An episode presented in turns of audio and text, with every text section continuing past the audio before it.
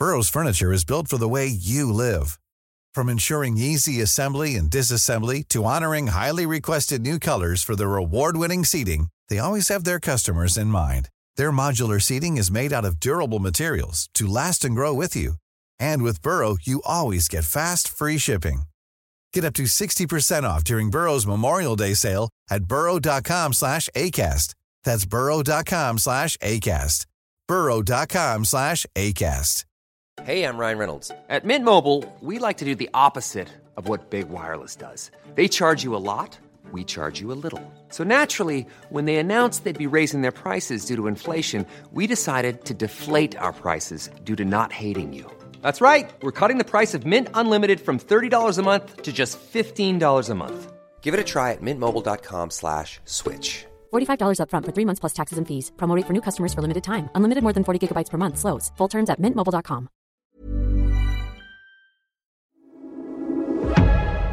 Du lyssnar på GVS ljudböcker.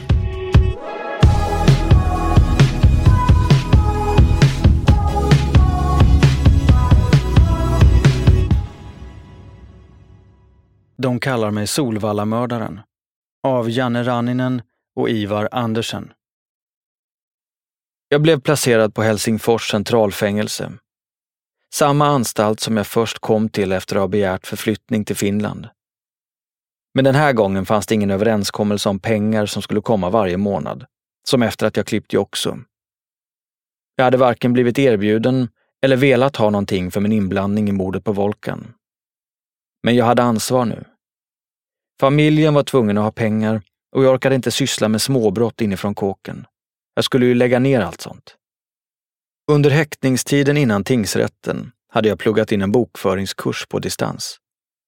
Företaget som låg bakom utbildningsmaterialet efterlyste anonym feedback. Jag hade hittat mängder av fel. Jag hade alltid haft bra koll på siffror och dessutom suttit inlåst i cellen 23 timmar om dygnet och fokuserat totalt på studierna. Jag hade gärna gått fortsättningskursen också. Men tyvärr så var det så många felaktigheter i ert utbildningsmaterial, skrev jag till företaget. Några veckor senare fick jag ett oväntat svar. De hade spårat upp mig.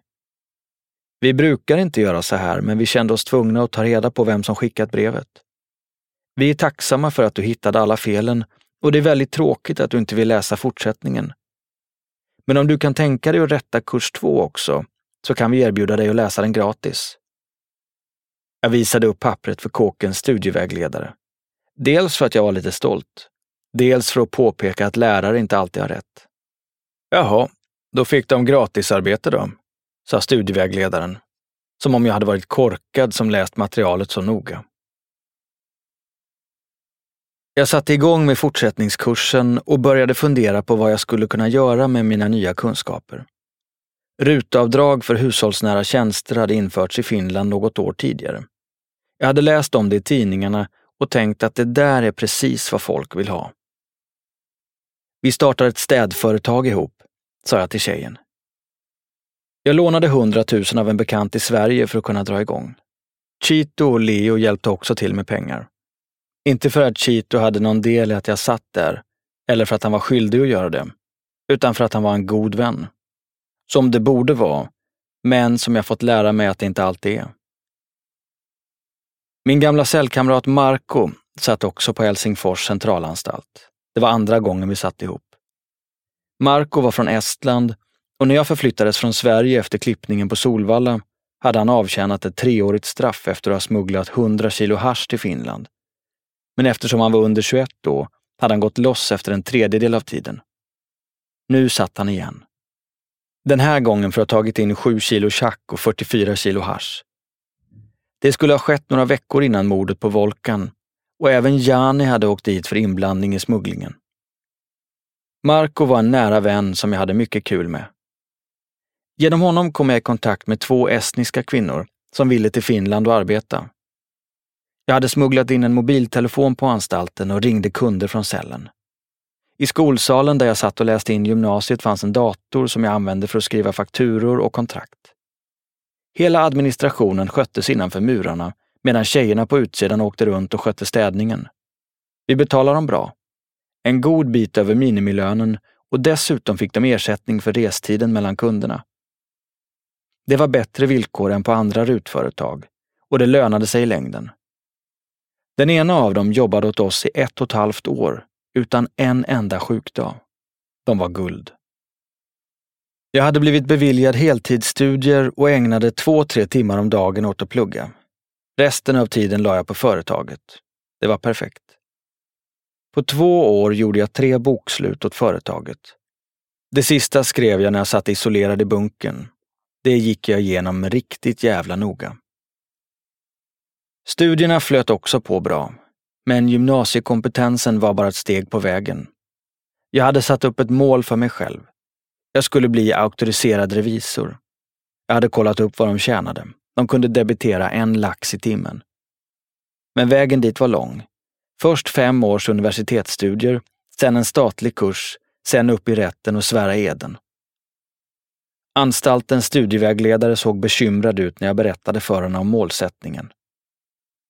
Du borde inte sikta för högt, sa hon. Jag kommer klara det. Vänta och se bara, svarade jag. Telefonen användes förstås inte bara i företagsärenden, utan också till att hålla kontakten med nära och kära. Hur mår du bror? frågade jag Chito när jag ringde från en av lurarna som jag och Marco smugglat in. Det är bra. Jag är i Mauretanien, svarade han. Var fan ligger det någonstans? Västra Afrika. Vad fan gör du där? Jag var tvungen att leta reda på en kille. Han försökte blåsa mig på en massa ladd så jag åkte över hit och slängde in han i bagageluckan. Men allt är lugnt nu, garvade Chito. Jag skrattade också, såg synen framför mig. Chito på gång i ett fattigt västafrikanskt land. Ett transitland på laddets väg till Europa. Samtidigt som jag var fett stolt över att min bror hade jobbat upp sig i kokainbranschen så var jag också orolig för honom. Mauretanien är inte ett land där man vill torska med någon i bagageluckan. Några år senare väntade jag och Leo besök av Chito och några andra. Vakterna släppte igenom resten av gänget, men höll kvar Chito för att kolla hans pass. Jag anade oråd. Chito hade varit efterlyst i Uruguay i över ett år för en stor kokainhärva, men hade varit tillbaka i Sverige ett par månader, så jag hade tänkt att allt var lugnt. Utrymmet mellan centralvakten och anstaltsbyggnaden var avskilt från oss fångar, men vi hade fönster dit. När jag kollade dit såg jag Chito bojad och omringad av fyra snutar. Bror, vad händer? Skrek jag genom fönstret. Bror, de påstår att Uruguay har efterlyst mig genom Interpol. De vill ha mig utlämnad, skrek Chito tillbaka. Snutarna körde honom till Hemmenlinnas polisstation och därifrån vidare till Vanda fängelse. Jag ringde min advokat som styrde upp ett ombud från samma byrå. De kämpade mot utlämningen, men efter sju månader skickades Chito till Uruguay. Där fick han tre års fängelse för utpressning, men kokainhärvan blev han aldrig dömd för. Det var skilda världar mellan Chitos business och mitt liv som småföretagare bakom murarna. Men jag gillade det jag gjorde. Vi blev inte rika på städföretaget, men vi överlevde. Min flickvän kunde betala hyran och köpa det hon och sonen behövde. Det var skönt att vara självständig och inte behöva förlita sig på vänners välgörenhet. Och jag lärde mig att jag hade möjlighet att välja bort kriminaliteten. Jag var inte en total idiot. Jag hade andra talanger än att råna, beckna och mörda. Det var en stor boost för självförtroendet. Jag klarade mig ju. Kunde till och med försörja en familj. Det var betryggande att veta, för snart skulle familjen växa. Jag blev utom mig av lycka när vi fick reda på att flickvännen var gravid. Mitt straff var långt och att upprätthålla familjerelationer är svårt när det är en mur emellan. Jag hade suttit i snart två och ett halvt år. Nu skulle vi få ett gemensamt barn och sonen skulle få ett lillasyskon. Plötsligt kändes allt fräscht igen. Hela vår familjesituation fick sig en knuff och vi blickade mot framtiden ihop istället för att tänka på vad som var tufft idag. Mödravårdscentralen hade producerat en bok som skulle lära papporna om graviditeten. Den var uppdelad i 40 veckor och förklarade hur fostret utvecklades från vecka till vecka. Jag var hela tiden så rädd att det skulle hända barnet något. att min flickvän skulle drabbas av missfall eller någon annan olycka, att jag aldrig vågade läsa i förväg. Jag läste om den aktuella graviditetsveckan. Sen la jag undan boken och gick runt och oroade mig tills det var dags för nästa kapitel. Jag väntade ivrigt.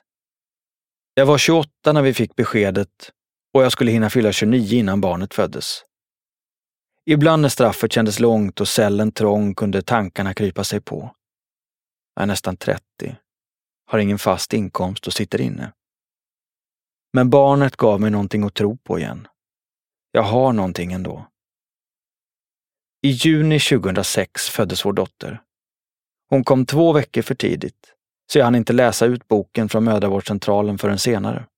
Men det gjorde ingenting. Hon var perfekt. Jag fick se bilder på henne samma dag som hon föddes. Mamma hade åkt över till Finland för att hjälpa till med allt det praktiska. Hon och sonen kom på besök bara några timmar efter förlossningen. Beskedet hade jag fått nästan direkt. Några plitar hade kommit in i cellen. Vi fick precis ett telefonsamtal. Grattis, du har blivit pappa. Normalt var relationen mellan oss frostig, men det där var fint av dem. Fyra dagar efter födseln skulle jag få min första permission. En timmes övervakat umgänge med familjen. Jag kunde knappt vänta. En halvtimme innan kallade anstaltens säkerhetschef in mig. Du ska vara bojad hela tiden, sa han med myndig röst. Lägg av, sa jag. Jag ska träffa min dotter för första gången. Jag vill hålla henne i famnen. Säkerhetschefen funderade en stund. Sen tog han fram papper och penna. Rita din lägenhet, befallde han. Jag ritade. Hallen och köket och vardagsrummet och sovrummet. Var sängen och de andra möblerna stod. Han studerade teckningen noga. Där, sa han. Du får sitta i soffan en timme. Vi kommer ha två personer i lägenheten och du får inte resa dig. Okej, okay, sa jag. Låt mig ringa och fråga om portkoden så vi kommer in. Vi kanske redan vet din portkod, svarade säkerhetschefen snabbt. Jag kunde bara garva åt alltihop. Vi åkte kortege med flera bilar. När vi kom fram gick snutar med hundar runt och kollade parkeringen. En hundförare kom fram till mig, kollade mig stint i ögonen och visade demonstrativt sitt vapen. Jag skakade på huvudet. Det var överdrivet. Den enda tanke jag hade i huvudet var att äntligen få träffa min dotter. Jag skulle aldrig komma på tanken att rymma från henne. Tvärtom. De skulle få kämpa för att hålla mig borta. Men visst, jag satt på en livstidsvolta och ett flyktförsök hade sett dåligt ut. De tog det säkra för det osäkra. Dottern låg och sov när jag kom in i lägenheten och jag lekte lite med sonen så länge. Efter några minuter var det dags. Jag ska hämta henne, sa min flickvän. Plitarna tog av handfängslen och jag satte mig i soffan. Min flickvän kom in i rummet och la henne i mina händer. Det var första gången jag fick hålla henne och det var det största jag någonsin känt. Ingenting annat hade kommit i närheten. Hennes mun började röra sig mot mitt bröst. Den letade efter en tutte att suga på.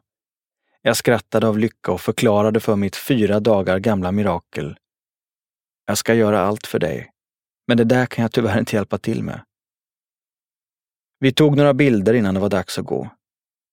När vi gick ner för trapporna höll några grannar på och flyttade. De fick se mig bojad och ropade förskräckt till snutarna. Vad är det som har hänt? Det är bara jag som har varit hemma och hälsat på, ropade jag tillbaka, fortfarande lika glad. Tre månader efter födseln var det dags för dop. Vi hade valt namnet Penelope efter Odysseus fru i den grekiska mytologin.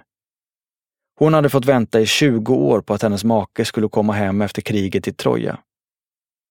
För mig betydde namnet att min egen Penelope skulle få vänta i 15 år innan hennes pappa kom hem. Det var ett namn som symboliserade hopp. Att det gick att klara av lång tid ifrån varandra om man hade tillräckligt starka band. Som de en far har till sin dotter. Jag tänkte på min familjesituation redan när jag lärde mig om Odysseus och hans hustru första gången. Det var när jag pluggade gymnasiet på Kåken. Innan dess hade jag ingen aning om vilka de var. På Jordbros gator var det ingen som kände till de här historierna.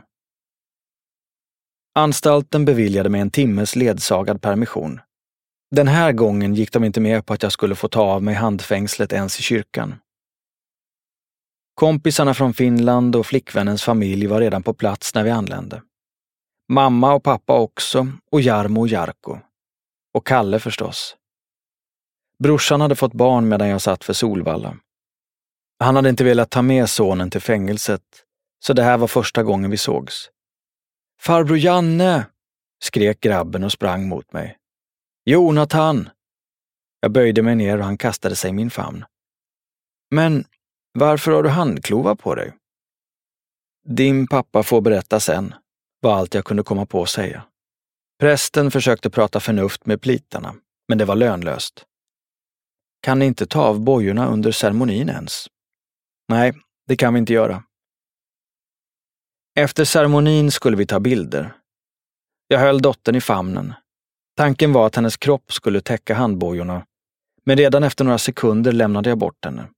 Hon kände bojorna i ryggen. Hon var ju fortfarande ett spädbarn och den hårda metallen fick henne att börja rågrina. Vi ställde oss upp på nytt. Den här gången fick flickvännens son stå framför mina händer istället. Jag kände att barnen led och blev irriterad. Ta bilderna snabbt nu. Egentligen var tillställningen fin. Familjen och vännerna var på plats, men bojorna var en katastrof. Allting i mitt kriminella liv påverkade barnen negativt. Det kändes bara fel. Det fanns möjlighet till familjebesök i fängelset. En gång i månaden fick man rita, leka och äta med barnen i tre timmar. Det var också den enda gången det var tillåtet att ha fysisk kontakt med sin fru eller partner. På helgbesöken var det förbjudet. När Penelope föddes fick min flickväns son följa med på de här besöken. Men innan hade han varit tvungen att träffa mig genom ett plexiglas. Det spelade ingen roll hur nära band vi hade. Det var bara biologiska barn som berättigade till barnbesök. Första tillfället hade varit tufft. Han hade en liten bil som han körde runt med på bordet på andra sidan plexiglaset. Jag försökte göra pajasminer genom rutan, muntra upp honom. Men jag märkte att han tyckte att situationen var jobbig. Efter det här tar vi aldrig med honom på plexibesök igen, hade jag sagt till tjejen efteråt. Den där upplevelsen påverkade mig mycket. Han såg ju på mig som en styvfar. För honom spelar ingen roll vad jag hade gjort. Jag var en lekkamrat och en trygghet, någon han litade på. Jag och flickvännen flyttade ihop först efter klippningen, men jag hade hängt mycket med sonen redan innan dess. Att natta honom var underbart. Den allra första gången jag läste godnattsaga för honom somnade vi bägge två. Efter en timme hade flickvännen kommit in. Det var meningen att du skulle natta honom, inte dig själv. Vi hade spenderat så mycket tid tillsammans. När flickvännen jobbade var jag hemma och tog hand om honom. Nu fick han knappt träffa mig längre. Det fick mig att tänka. Hur många andra barn till fångar blev också berövade sina föräldrar?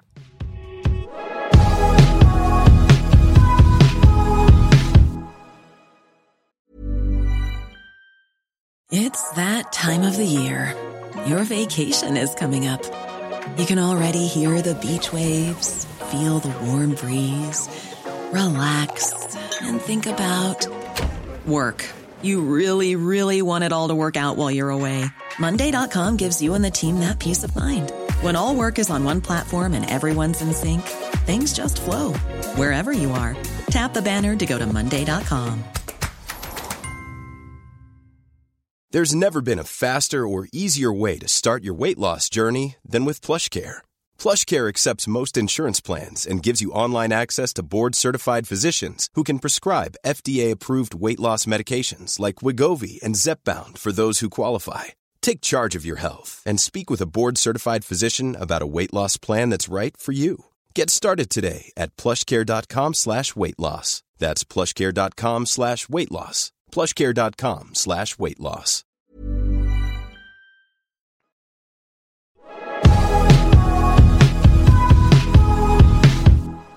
Jag pluggade. Företaget rullade på. Penelope och resten av familjen mådde bra. Det kändes som om allting började ljusna. Beslutet om omplacering kom som en blixt från klar himmel i slutet av 2006. Jag skulle flyttas till Rihimäki, Anstalten hade högsta säkerhetsklass och var tillsammans med Åbo känd som det hårdaste fängelset i Finland. Några fångar hade begärt förflyttning från Helsingfors centralanstalt. Det var kvinnomisshandlare och golbögar och sådana som ingen vill ha runt sig. Och de hade flyttat av egen vilja. Men anstaltsledningen menade att jag hade hotat dem. Omplaceringen till Rihimäki var ett straff. Flytten skulle komplicera allt. Rihimäki låg två timmar från Helsingfors och resorna dit med två barn skulle bli en prövning för flickvännen. Penelope var ju bara fyra månader gammal. Och dessutom funkade studierna bra i Helsingfors. Jag överklagade självklart. Det hjälpte inte. Anstaltsledningen hade bestämt sig. Ännu en gång skulle mina problem gå ut över barnen. Murarna runt Rihimäki var 11 meter höga. Överdrivet. Men det var väl för att förmedla intrycket av att det inte ens var lönt att försöka rymma. Även om jag tvingades längre bort från familjen så kom jag närmare en bror. Leo och jag hade inte träffats sedan hovrätten slog fast livstidsdomen. Han hade blivit kringflyttad rätt intensivt och hunnit sitta på flera kåkar i östra Finland. Nu möttes våra vägar igen på Rihimäki. Det var fett kul att ses. Vi satt på olika avdelningar men hade promenad samtidigt så en timme om dagen kunde vi snacka och garva åt gamla minnen ihop. Leo hade alltid gillat musik och varit DJ när han var yngre. Nu ville han ta upp intresset igen. Jag skriver texter, berättade han och sa att han letade efter en rappare att knyta till sig. Jag var inte så inne på hiphop, men blev självklart glad för hans skull. Det var schysst att se att han också försökte göra någonting positivt av tiden. Ja, det låter häftigt. Kul för dig, Leo. Några år tidigare hade jag haft kontakt med en Aftonbladet-journalist som hette Lennart Hård. Han hade skrivit en artikel om mig efter Solvallamordet. Visst, den hade doftat lite kvällstidning, men den hade ändå varit saklig och inte alltför sensationell. Så jag hade skrivit till honom och tackat. Lennart hade skrivit tillbaka och frågat om jag ville ställa upp på en intervju. Jag hade avböjt med tanke på mitt tidigare löfte till Dick Sundevall. Men jag hade också lagt till att om du vill skriva en bok så är jag intresserad av att spåna om det. Minnet kom tillbaka till mig där jag stod på rastgården. Du har rätt. Det vore kul att berätta våra historier någon gång, sa jag till Leo. Leo hade redan hittat sitt sätt att berätta. Han skulle göra det genom musiken. Själv letade jag fortfarande efter mitt. Efter två månader på banan, Rihimäkis vanliga avdelning, var det dags att röra sig igen. Men den här gången skulle jag inte flytta till ett nytt fängelse, utan omplaceras innanför samma murar. I januari meddelade plitarna att jag skulle ner i bunkern. Jag fick ingen förklaring utöver att jag skulle ha påverkat andra intagna negativt. I beslutet stod det att jag gjorde andra fångar rädda och vilda. Men det fanns inget konkret. Inga påhittade påståenden om att jag hade slagit eller hotat någon. Bara diffusa saker som inte gick att bemöta. Men kanske hade beslutet inte så mycket med mig att göra. Av bunkerns totalt åtta platser var sex lediga och anstalten fyllde alla på samma dag. Bunkerplatser är dyra, så ledningen tyckte väl att det var synd att inte utnyttja dem. Jag skulle bli sittande där i åtta månader. Första vändan. Bunkern var kal som en anhållningscell. Golv, väggar och tak i betong. En säng som också var betong och en ståltoa. Inga hyllor och fönstret gick inte att öppna. När man tryckte på en knapp i taket kom det fyra liter vatten åt gången. Knappen vid handfatet gav en liter. Att duscha eller tvätta händerna tog sin tid. Man hann bara bli blöt innan det var dags att trycka igen. Reglerna för besök var strängare än på banan. Jag hade familjebesök en gång i månaden, men på helgbesöken fick jag träffa tjejen och dottern genom plexiglas. Jag såg Penelope ta sina första steg medan hon lutade sig mot det där plexiglaset. Det var fantastiskt. Men tänk om jag hade fått plocka upp henne efteråt och visat hur glad jag var. Det som ändå var positivt var att jag var omgiven av bra folk. Även om cellerna var skit så var grannarna reko-killar. Tre timmar om dagen hade vi gemensamhet. Vi fick gå två och två till köket och gymmet. Samma sak under den dagliga timmens promenad i den 20 kvadratmeter stora buren. Dessutom var bunkertiden bra för studierna.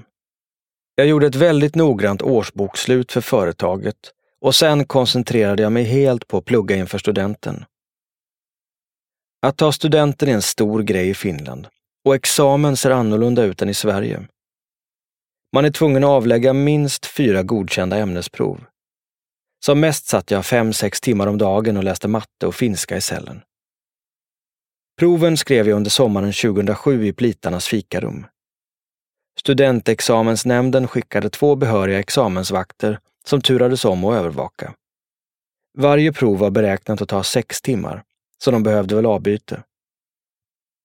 De andra fångarna som klarat proven fick åka till Rihimäki gymnasium med ledsagare för att ta emot sina vita studentmössor. Men jag satt ju bunkrad så istället kom rektorn och studievägledaren till cellen. De hade med sig ett litet glasspaket som vi delade på i plitarnas fikarum.